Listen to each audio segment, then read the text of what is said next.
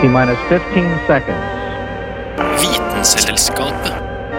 T minus 10, 9, 8, 7, 6. We have main engine start. 4, 3, 2, 1, and liftoff. Vitenselskapet. Vitenselskapet på Radio Nova.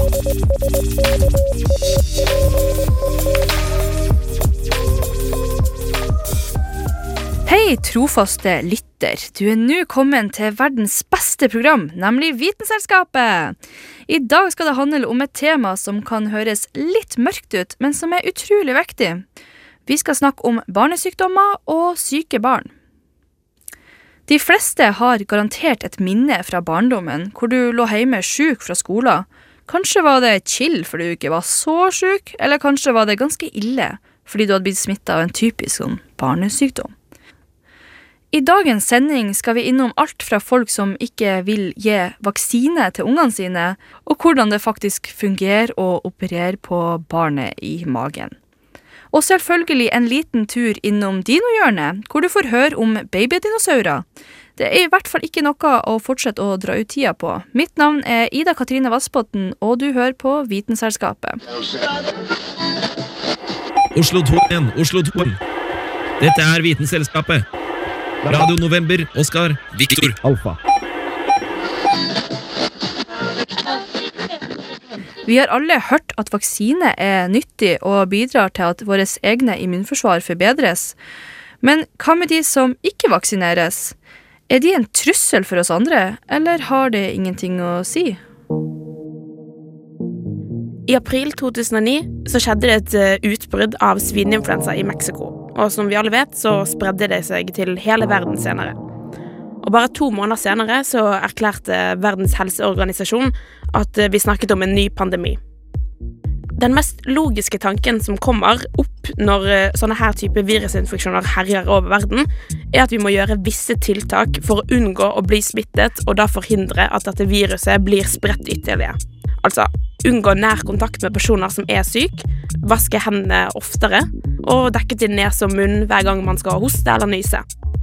Men det her er jo egentlig ganske selvsagt at man er nødt til å gjøre sånne ting egentlig hele tiden for å unngå å bli syk, uansett om vi snakker om en pandemi eller en vanlig forkjølelse.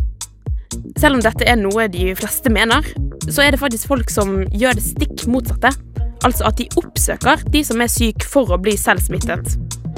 De er med på såkalte smitteringer, eller smittefester, der egentlig hele formålet er å smitte hverandre. Under svineinfluensapandemien var dette et relativt vanlig fenomen i utlandet.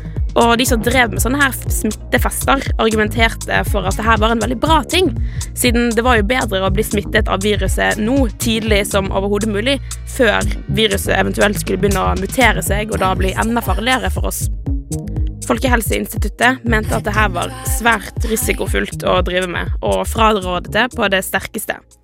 Siden viruset rammet jo flere tilsynelatende unge, friske mennesker, og det var jo mange av de som døde også. Selv om mange også overlevde og ble immune mot svineinfluensa, så er det fortsatt ikke greit å drive med sånne her smitteringer. For de som selv driver med det, er jo som oftest frisk og sunn og sterk. Men det er mange andre i verden som er i en sårbar situasjon, enten om man er for ung, for gammel eller syk fra før. Og sånne smitteringer fører altså til at flere folk får viruset, og fører det videre til person som kanskje ikke har sjans mot det. Og under denne pandemien så var det en studie fra USA som tydet på at hver enkelt syk smitter i gjennomsnitt 1,5 til 2 millioner nye personer. Når én person kan smitte så mange, bare tenk en smittering på ca. ti personer, da. Da har vi potensielt 20 millioner nye mennesker ekstra som har blitt smittet. Smitteringer blir også arrangert i Norge, der de vanligste er knyttet opp til smitte av ditt eget barn med de her barnesykdommene som meslinger, kusma, røde hunder, skikoste og vannkopper. Det finnes til og med hemmelige Facebook-grupper der man nærmest kan bestille såkalte smitteringer og selvfølgelig også da lese om hvor farlig disse her såkalte vaksinene er. Ønsker kontakt med smittering. Barnesykdom søkes til to gutter. Det er noe man kan lese på sånne her grupper. grunnen for at foreldre påtvinger sykdommer på barna sine, det er fordi at de, de ønsker jo at de skal bli immune mot dem mens de er unge. Og de aller fleste i sånne her miljøer velger denne her metoden framfor vaksinasjon fordi de vil gjøre det på en naturlig måte. Og de argumentene som ofte går igjen, det er Det er ikke naturlig med vaksine, og jeg vil heller at barnet mitt skal gå gjennom sykdommen på en naturlig måte. Det er ikke nødvendig med vaksine, siden mitt barn er jo sunn og sterk. Vi har jo sykdommer for en grunn, og grunnen er at barna skal gjennom det. Mange av sykdommene er transformerende, som gjør at du vokser som menneske. Og det her blir fratatt barnet ved vaksinasjon. Bivirkningene av vaksinen kan være for farlig. Ikke nok med at barna må gjennom disse grusomme sykdommene, som kan føre til varige men og i verste fall død, så går det også igjen utover folk som rett og slett ikke har mulighet til å ta vaksiner. For det er de uvaksinerte som sprer smitte. Selv om sjansen for å bli syk er mye mindre hvis man er vaksinert, vil fortsatt noen kunne bli smittet. Derfor er det veldig viktig med noe som heter flokkimmunitet. Som betyr at du beskyttes fordi at dine medmennesker også er vaksinerte. Derfor bør kanskje ikke vaksiner være en privatsak eller valgfritt, da det går utover så mange flere enn kun ditt eget uvaksinerte barn. Og selv om de fleste i Norge vaksinerer barna sine, så blir det diskutert om at vi kanskje skal gjøre det obligatorisk for alle sammen. For det er nemlig noen foreldre som lenger på en måte ikke ser poenget med å vaksinere mot en sykdom som er utryddet. Og en sånn type holdning kan være veldig farlig. Bare se på USA, der meslinger var utryddet før, men nå er jo det tilbake. Og dette kunne jo blitt forhindret dersom de hadde tatt vaksine.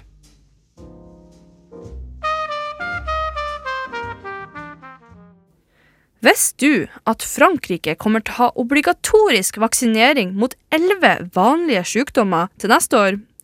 Dette er pga. meslingutbruddet som skjedde i sommer i USA og Europa. Den franske statsministeren mener det er uakseptabelt at unger i Frankrike skal fortsatt å dø av meslinger. Det var da altså Anna Vik Rødseth som hadde denne saken. Å vite vet Vitenselskapet.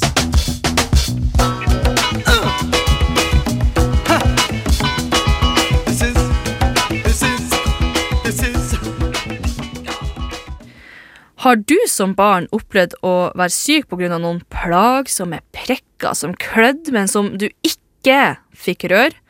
Hva er egentlig greia med vannkopper, og er det farlig? Vannkopper, ass. Vannkopper er kanskje den mest vanlige barnesykdommen. Du vet, den alle må gjennom, den alle har hatt som 6-7-åring. Og det eneste de fleste husker, er at man var hjemme fra skolen og chillet en uke eller to. Men selvfølgelig også hvor sinnssykt mye det klødde. Jeg deler faktisk ikke disse minnene, for for så vidt jeg og mamma vet, har jeg aldri hatt vannkopper. Og helt ærlig er det eneste jeg vet om vannkopper, annet enn det selvfølgelig at det klør som et helvete, er at det suger å få som voksen. Så hva er egentlig vannkopper? Ifølge Norsk helseinformatikk, NHI, min eh, go to helseencyklopedia, og også der jeg har lært the hard way å ikke se for mye på symptomseksjonene når jeg leser om ulike sykdommer, er vannkopper en sykdom som som regel fører til veldig kløende utslett. Med blærer som først begynner som små prikker, men som bare i løpet av et par timer utvikler seg til blærer, som da senere omdannes til skorper. Vannkopper er den mest smittsomme av alle barnesykdommene. Det er luftbårent, hvilket betyr at den kan smitte gjennom bitte små dråper i lufta, eller ved direkte kontakt med en som er smitta. Så det er ikke så rart at vannkopper brer seg som en epidemi over en barnehage eller en førsteklasse og knocker ut én etter én. Faktisk får rundt 40% av alle barn sykdommen i barnehagealder, mens en annen 40% får vannkopper på barneskolen. Vannkopper er en litt sneaky sykdom, da. Når du har blitt smittet, inkuberer viruset i kroppen mellom 10 og 20 dager før det faktisk bryter ut. Og du kan også smitte andre flere dager før utslettet bryter ut på deg sjæl. Og så plutselig har man det, da. Hvor påvirket eller plaget du blir av viruset, varierer veldig.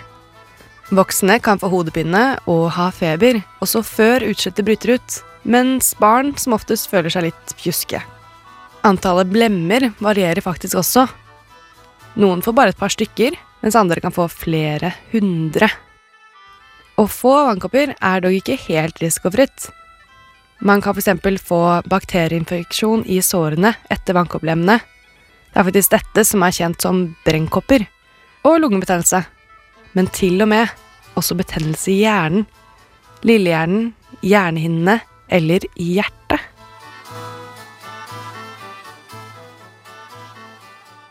Betennelse i hjernen.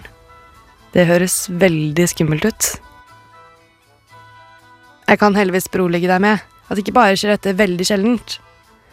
Disse betennelsene forårsaket av vannkopper er også nokså milde varianter, og ikke noe de fleste av oss burde bekymre oss over. Det chille med vannkopper, og de fleste andre barnesykdommer, er at du bare får det én gang, og så er du ferdig med det. Man blir nemlig livsvarig immun, som det heter. Fordi immunforsvaret opparbeider et forsvar mot viruset. Du kan dog risikere å utvikle helvete selv senere.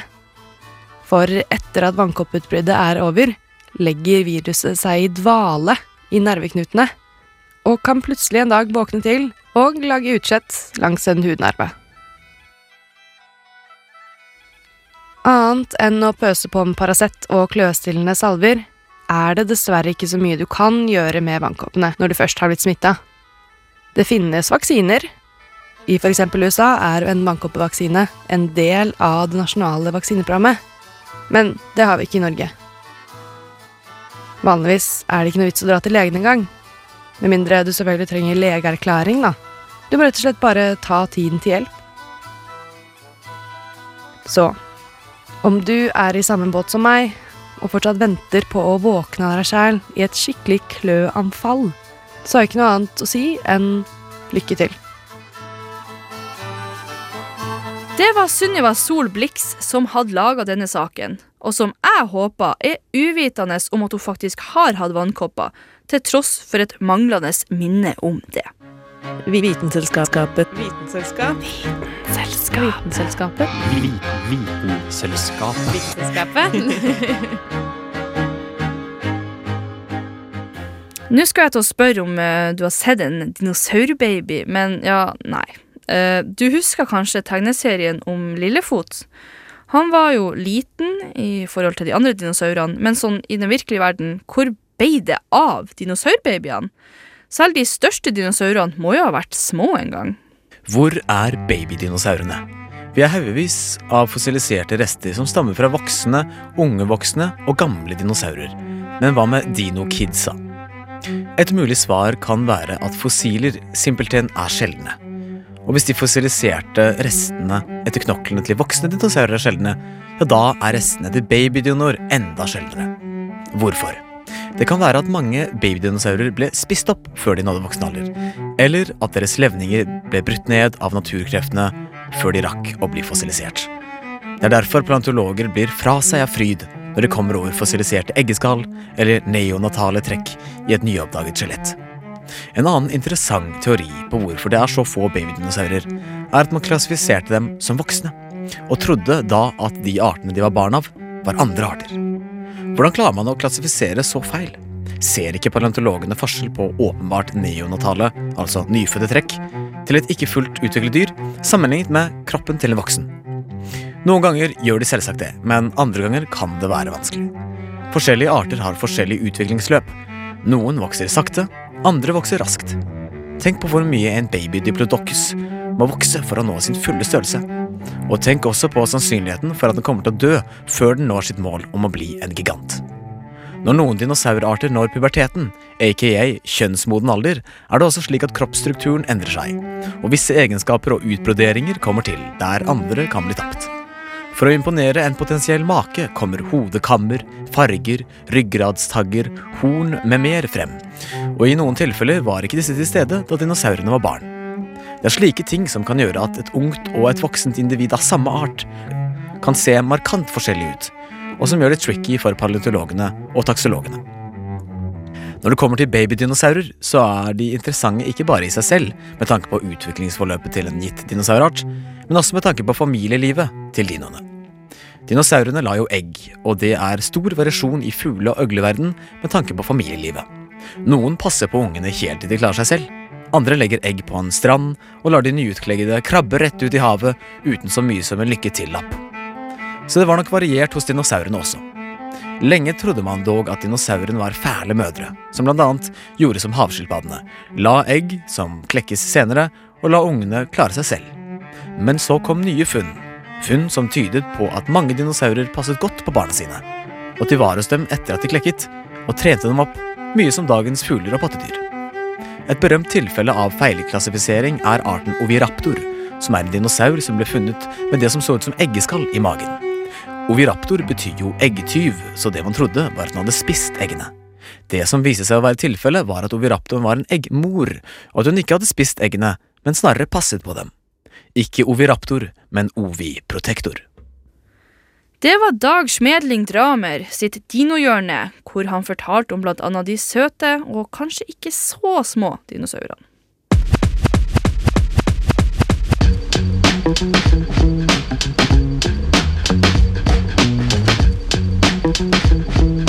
Vite nytt. Det du trenger å vite. Nå i studio så har jeg fått besøk. Eh, velkommen. Tusen takk. Det er jo Aurora Thommessen som i dag skal gi oss eh, Vitenytt. Og Aurora, hva er det første du skal fortelle meg i dag? Eh, ja, eh, jeg tenkte jeg skulle snakke først litt om ubevisste fordommer man tar med seg fra barndommen. For det er litt kult hvordan eh, ja, vi lærer ting hele veien, og så legger det seg på en slags sånn harddisk baki der. Og så tenker vi ikke noe mer på det. Men uh, nå er det en uh, ny test noen uh, amerikanske forskere har funnet opp, som heter IAT-testen. hvor de sjekker fordommene dine opp mot etnisiteter, forskjellige folkegrupper, og positive og negative ord. Og det er fordommer du ikke er klar over at du har. Du kan, du kan beskrive deg selv som absolutt ikke rasistisk i det hele tatt, og så får du plutselig beskjed om at du har masse fordommer, som er litt skummelt. Men de mener at det er en fin måte å finne ut av det på, sånn at man eh, senere kan eh, jobbe med det, og så omgjøre underbevisstheten. Det er jo egentlig en ganske genial test, fordi at de fleste vil jo, uansett om de har fordommer, være fordomsfri. Ja, ja, absolutt. Så det er jo eh, ja, en kul, kul undersøkelse. Ja, hvor vi kan ta denne testen hen, da? Nei, den ligger på Jeg fant den på Illustrert vitenskap Ja. på den nettsiden. Da er det bare å søke på IAT-test. Ehm, men jeg tror du kan bare ja, søke opp IAT-test på Google, så kommer det opp. Ja, Så anbefaler vi folk å ta den bare for å sjekke hva, om de har noen fordommer på lur. Og så eventuelt kvitte seg med noen gamle, eh, dårlige fordommer fra barnehagen. Ja, Det er smart. Ja, hva er det neste du har å fortelle i dag? Ja, nei, jeg tenkte vi skulle snakke litt mer om barnesykdommer, som vi allerede har hørt ganske mye om før i dag. Ja, det er alltid interessant å høre mer om. Det er litt sånn, hva er egentlig en barnesykdom? En eh, barnesykdom er vel egentlig en sykdom som du kan få hele livet, men det er bare det at de er så ekstremt smittsomme at det er veldig vanlig å få den når du er liten. Og så, når du først har fått den, så kan du ikke få den igjen. Så det er immunsykdommer, da. Eh, så jeg tenkte vi skulle se på litt eh, forskjellige variasjoner, eller ulike barnesykdommer. Og da har vi først kikhoste. Ja, det er den Er det ikke vanlig også at babyer og sånn får det og sliter med det? Jo, men det er veldig alvorlig hvis en baby får det, fordi de har så små lunger at de klarer ikke alltid å håndtere det trykket hosten gir dem, da. Eh, så det er eh, Og de kan Du vet ikke om du har sett sånne bilder av folk som Babyer som er helt blå og lilla i ansiktet, og så spyr de blod, og så Er Ja. det fra kikhoste? Ja, så det er, og det er veldig vanlig at de får sånn anfall midt på natten. Så hvis det er et barn med kikhoste, særlig små babyer, da, så må de ofte legges inn, så det er på full overvåkning. Eh, men det eneste vi har av medisiner mot det her, er antibiotika. Eh, men det er jo det er en vaksine også som vi får tatt. Det er to vaksiner. Eh, man, kan, man kan ta vaksine mot kikhoste Uh, og både du og jeg har tatt den, Ja. som vi sjekket her i stad på vaksinekortet vårt. Mm. Det vil jeg anbefale alle sammen å gjøre. Gå inn på Helsedirektoratet. Eller hva? Instituttet? Helseinstituttet, var det ikke det? Jo. ja, ja. Men hvis du søker vaksinekort i Google, så kommer du jo til slutt på rett side, da kan du logge deg inn med god sikkerhet, Vi måtte med bank-ID og alt, og da kan du logge deg inn og se hva du har tatt for noe. Men hvilken annen vaksine husker du som eh, var veldig viktig da, Ida? Nei, det er jo den som omtales som MMR-vaksinen. Det er helt riktig, fordi vi har tre andre barnesykdommer som er veldig alvorlige, de òg. Som er kusma, meslinger og røde hunder. Ja, jeg har hørt om de, men jeg har ikke helt skjønt hva alle sammen er for noe. Nei, kusma er en av de mest smittsomme barnesykdommene. Når du får kusma, så får du betennelse i slimhinnene. Eh, da får du ofte veldig sånn stor hake. Eh, og du kan få betennelse også i ja, alle typer slimhinner, også testiklene til gutter. Så det er veldig alvorlig hvis du får det som tenåring hos gutter. Blir steril og alt eh, sånn. Men uh, dette er da veldig sjeldent fordi vi har denne vaksinen. Mm. Uh, men det er svært alvorlig hvis du skulle få det, da. Ja. Og vi, sånn som vi så, så hadde vi tatt den vaksinen to ganger. Og det Mhm. husker jeg, jeg fikk veldig nytte av å vite at jeg hadde den to ganger når det var utbrudd når jeg var student i Trondheim, og flere som fikk kusma og fikk tidenes dobbelthake. Og da sjekka jeg at jeg hadde tatt det to ganger. Da var skal, er man ganske sikker, da, eller? Ja, man eh, skal være veldig sikker. Det er faktisk litt morsomt at du sier det, for jeg leste det første som kom opp når jeg søkte opp eh, Kusma på Google, så kom det opp 'Utbrudd i Trondheim i 2015-studentene'. eh, og der sto det at de fleste som hadde tatt vaksinen, var sikre. Det var vel to-tre stykker som hadde tatt vaksinen, som ble syke. Men eh, det var så bare egentlig de som ikke hadde tatt den, da. Mm. Så man er veldig sikker hvis man tar den. Men det er også det man snakker om med sånn immunflokker. Ja. Eh, at det er veldig dumt for et samfunn hvis ikke alle tar den, for det gir også større sjanse for de som allerede har tatt den, å få det. Så jo flere som tar vaksiner, jo bedre er det for samfunnet, da. ja, ikke sant. Og det er generelt også da med disse andre med meslinger og røde hunder også, Mm. som er um, MMR-vaksinerelaterte sykdommer. Hva er meslinger? Hva det er slags uh, sykdom, da? Meslinger, det er, en, uh, det er et utslett du får på kroppen. Uh, Det begynner ofte med at du har høy feber og litt sår hals og sånne ting, men eh, det går generelt på det at du får store røde prikker på hele kroppen. Meslinger er ekstremt smittsomt. Meslinger er et virus som sprer seg via små dråper i luften, og bakteriene kan sitte i luften opptil to timer etterpå at en pasient har hostet i det rommet. Så det er jo litt sånn skummelt å tenke på. Ja. Uh, skal vi se, røde hunder, det er da et, uh, også via dråpesmitte. Ehm, og det er også utslett og feber. Det ligner litt på meslinger på en måte, men det går mye mer på ansiktet. Der er det ofte først for røde hunder. Litt sånn vannkoppaktig, men tettere. Og her er også MMR-vaksinen, som hjelper for røde hunder. Og ja, det er vel egentlig bare en av disse barnesykdommene. De er ganske like mye av barnesykdommene, Mm. men uh, det lønner seg å ikke få dem, da. For at når du kan få de som voksen er, Vet vi noe om det hvis du får disse som voksen? Har du noe forskjell, eller? Ja, de blir jo verre Symptomene er ofte verre når du er voksen enn når du er barn. Det er litt forskjellig fra sykdom til sykdom. Sånn som kikhoste er vanligere å få som voksen enn f.eks. røde hunder. Fordi kikhoste er en lettere sykdom å pådra seg. Og så er det jo noen sånn som eksempel, vi hørte litt om vannkopper før i dag. Og der er det jo at det blir til eh, Det kan utvikle seg til eh, helvetesild senere i livet. For da ligger viruset i kroppen, og så utløses det da på en annen måte senere. Men det er ingen måter vi kan unngå på det, for at uh, vannkopper er noe som alle sammen mest sannsynlig er innom. Ja, og det må vi egentlig bare gjennom. Ja. Og da er det bra å ha det så tidlig som mulig. Ja, men uh, tusen takk for at du kom. Jeg føler meg mer opplyst og skjønner at uh, noen ting må man bare igjennom. Takk for meg. Vitenselskapet. Vitenselskapet på Radio Nova.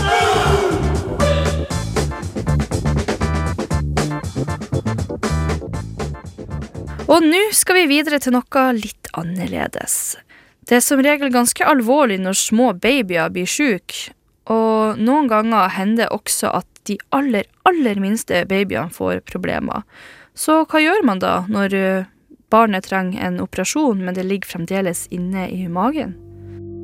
I et mørkt og veldig varmt rom står et team med kirurger og svetter over en stor, lysende rød ball. De lager et lite snitt og dytter inn et kamera. Og et snitt til til de kirurgiske redskapene. De amerikanske legene har trent på denne typen operasjon i to år ved å kutte inn i en gummiball med en dokke inni. Men dette er the real deal, for inni denne ballen er det ikke en dukke, men en veldig liten guttebaby. Ballen er nemlig ikke en ball, det er en livmor. Og denne typen operasjon er ganske så banebrytende. Det er nemlig ikke så veldig lenge siden leger fant ut at det er mulig å operere fosteret mens de fremdeles er inni magen. Dette er på mange måter ikke optimalt, fordi det medfører en ganske stor risk både for mor og barn, og det er som regel derfor det kun gjøres hvis barnet er så sykt at det kommer til å dø eller bli alvorlig skada før det blir født. Det finnes flere måter å operere på et foster, hvor den enkleste måten er en slags kikkhullsoperasjon i magen mens babyen ligger der inne. Selv om dette kanskje er det minst omfattende inngrepet, og derfor det inngrepet med lavest risiko, er det ikke alle sykdomstilstander som kan fikses på denne måten. Noen ganger må legene rett og slett skjære opp hele livmoren for å kunne komme til. Dette innebærer at moren får et keisersnitt, og så tas babyen ut av livmoren for operasjon, men den henger fremdeles fast i livmoren ved hjelp av navlestrengen. Når operasjonen er ferdig, pakkes ungen inn i livmoren igjen, og det hele syes sammen.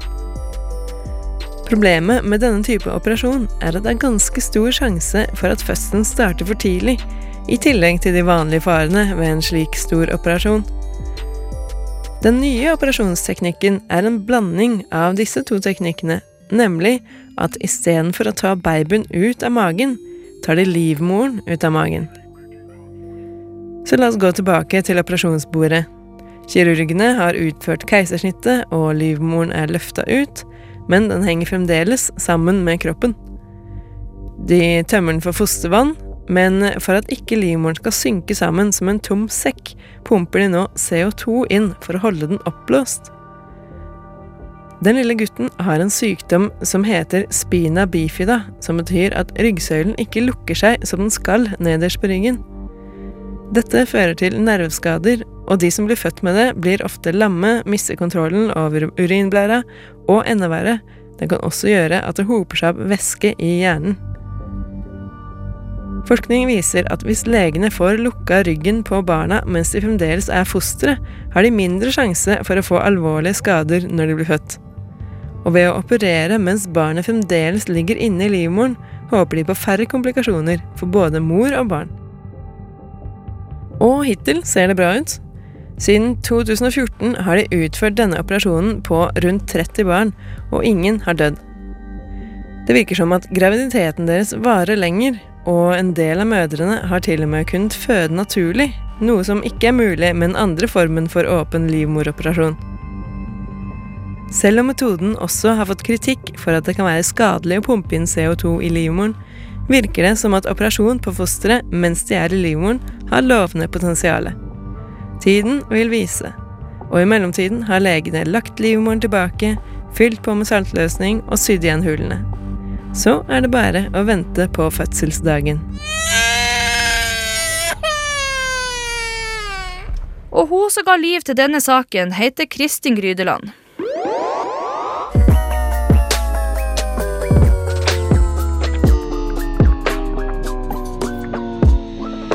Vitenselskapet.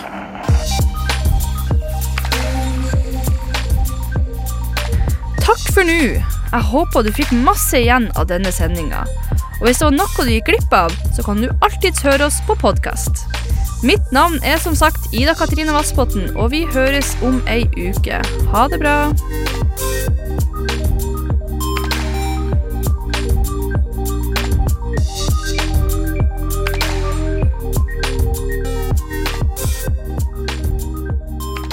Vitenselskapet. Du lytter til Radio Nova.